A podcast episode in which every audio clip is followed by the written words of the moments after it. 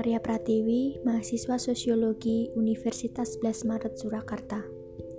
Indonesia merupakan negara dengan kultur budaya dan sosial yang sangat beragam. Berbagai suku, budaya, agama, ras, dan cara berperilaku dalam bersosialisasi mewarnai kehidupan bertoleransi di negara Indonesia. Indonesia pun bisa merdeka secara mandiri karena semangat toleran yang menimbulkan persatuan dan kesatuan seluruh masyarakat Indonesia untuk membasmi para penjajah dengan memperkuat semangat dan tidak memperdulikan egoistis suku, ras, serta agama. Namun, pada kenyataan saat ini, masyarakat Indonesia kehilangan semangat toleransinya. Faktor yang mempengaruhi hal ini karena banyak masyarakat kita yang kurang mempelajari dan menghayati sejarah perjuangan para pahlawan Indonesia zaman penjajah dulu, sehingga semangat hidup bertoleransi dan patriotik di Indonesia melemah. Selain itu, mayoritas masyarakat Indonesia juga kehilangan semangat kebersamaan, serta banyak yang tidak melandaskan Pancasila sebagai dasar hidup bangsa Indonesia, alias semuanya diatur sendiri-sendiri, sehingga terjadi intoleransi dalam hidup masyarakat Indonesia. Kasus intoleransi yang terjadi di Indonesia dari tahun ke tahun telah menambah daftar dan fakta bahwa semakin hari semakin banyak masyarakat kita yang pluralis dan toleransi umat yang luntur akibat masuknya budaya egoistis dalam lingkungan masyarakat Indonesia. Contohnya adalah konflik sampit yang melibatkan etnis Dayak sebagai penduduk asli dan etnis Madura sebagai transmigran, kemudian konflik Poso yang melibatkan aparat, teroris, dan masyarakat, Lalu ada juga konflik Ambon yang melibatkan umat beragama, khususnya agama Islam dan Kristen, serta yang santer diberitakan di media-media Indonesia adalah kasus penistaan agama Islam yang dilakukan Ahok selaku Gubernur DKI Jakarta saat itu, tepatnya di Kepulauan Seribu, Provinsi DKI Jakarta. Kita sebagai masyarakat Indonesia harus cerdas dan berpola hidup intelektual dalam bermasyarakat jika ingin Indonesia tetap damai dalam bertoleransi. Apalagi sebagai masyarakat yang beragama, kita juga harus mematuhi kewajiban yang sudah dijelaskan hukum-hukumnya oleh setiap agama. Untuk menciptakan semangat bertoleransi di Indonesia yang berbeda suku, agama, dan budaya, kita harus menegakkan sikap dasar yang baik dan kualitas yang mapan. Dalam arti, bermasyarakatlah yang intelektual, baik pemikiran, beragama, maupun berperilaku, agar toleransi di Indonesia tetap langgeng dan lancar. Lalu, apa sih makna toleransi bagi Indonesia yang masyarakatnya beragam? Dengan adanya toleransi, kita dapat menghargai dan menghormati kegiatan yang dilakukan masyarakat sekitar, khususnya kehidupan antarumat beragama. Selain itu, kita harus tetap mengeratkan tali silaturahmi baik antar sesama umat beragama maupun yang berbeda agama. Dengan menghayati makna toleransi tersebut, maka kehidupan bermasyarakat dalam perbedaan suku, agama, dan ras dapat dicapai dengan sebaik-baiknya. Bahkan, toleransi memberi dampak dan manfaat yang luas bagi umat beragama dan bermasyarakat terkhusus di Indonesia.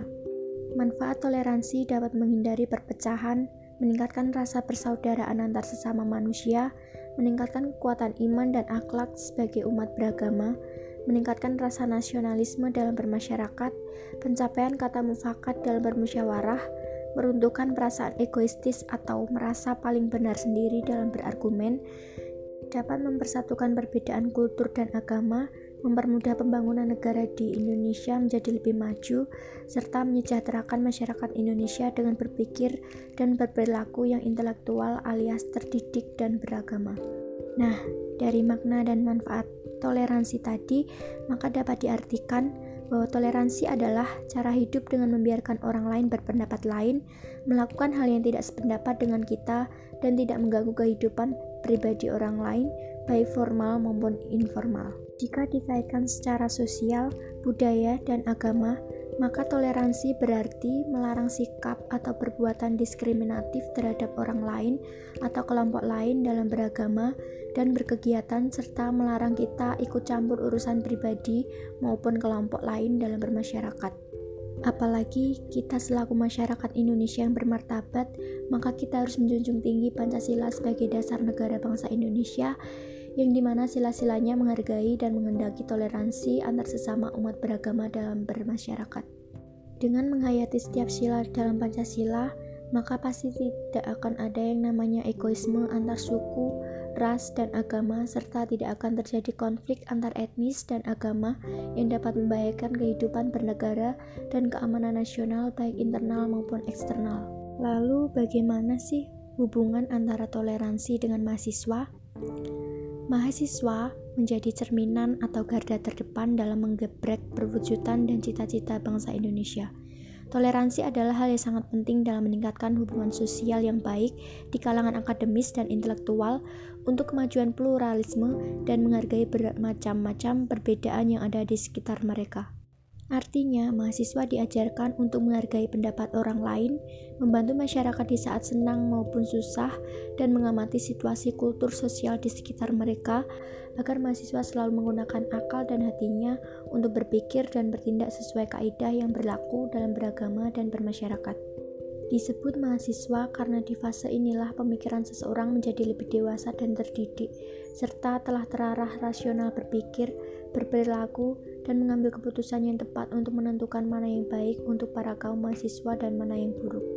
Mahasiswa diajarkan untuk mengabdikan ilmu, moral, dan tenaganya kepada seluruh masyarakat. Mahasiswa juga diajarkan dan dibentuk untuk memiliki ilmu sosial yang tinggi agar mereka sebagai generasi penerus bangsa Indonesia dapat bermasyarakat yang baik, jujur, serta menghargai segala macam perbedaan yang ada di sekitar mereka, atau belajar bertoleransi antar umat. Mahasiswa tidak hanya sekedar studi ilmu dan kegiatan-kegiatan politik saja, tetapi lebih daripada itu, mahasiswa juga merupakan golongan terpelajar yang dididik untuk berbakti pada masyarakat, bangsa, dan negara. Salah satu contoh mahasiswa yang memperjuangkan kehidupan bermasyarakat yang toleran, adil, dan sejahtera pada era tahun 60-an adalah bernama Su Hokji. Ia mengemukakan salah satu penggalanya yang disebut manusia-manusia baru. Manusia baru ini diartikan sebagai manusia yang lahir atau dididik di era pasca kemerdekaan Indonesia tahun 1945. Manusia-manusia baru juga diartikan sebagai generasi penerus bangsa Indonesia yang menjadi motor penggerak perubahan pola pikir dan tindakan masyarakat Indonesia agar memiliki visi misi dan tujuan yang jauh ke depan demi menjaga kualitas sumber daya manusia bangsa Indonesia. Manusia-manusia baru adalah manusia penggerak perubahan kultur sosial masyarakat agar saling toleran dan aktif dalam bersosialisasi demi tercapainya kesejahteraan, keadilan, dan persatuan Indonesia, serta dengan berkemanusiaan dan menghargai pendapat orang lain agar tercapainya kata mufakat dalam bermusyawarah secara adil dan beradab.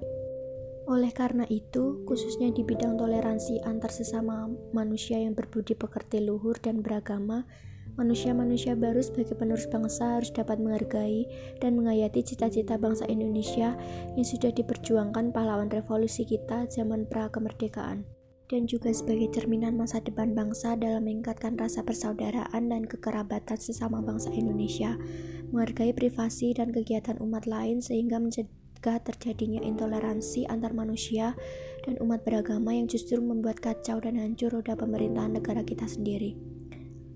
Makanya, toleransi di kalangan mahasiswa ini sangatlah penting dipelajari, dikaji, serta diamalkan dalam diri mahasiswa sendiri guna memunculkan bibit unggul perdamaian yang adil dan makmur di masa depan. Toleransi di kalangan mahasiswa juga menjadi sarana masyarakat untuk meningkatkan rasa solidaritas dalam bertoleransi antar masyarakat karena masyarakat meyakini mahasiswa sebagai garda terdepan dalam perwujudan Indonesia yang damai dan intelektual serta bermoral dan beragama. Sekian podcast dari saya. Terima kasih.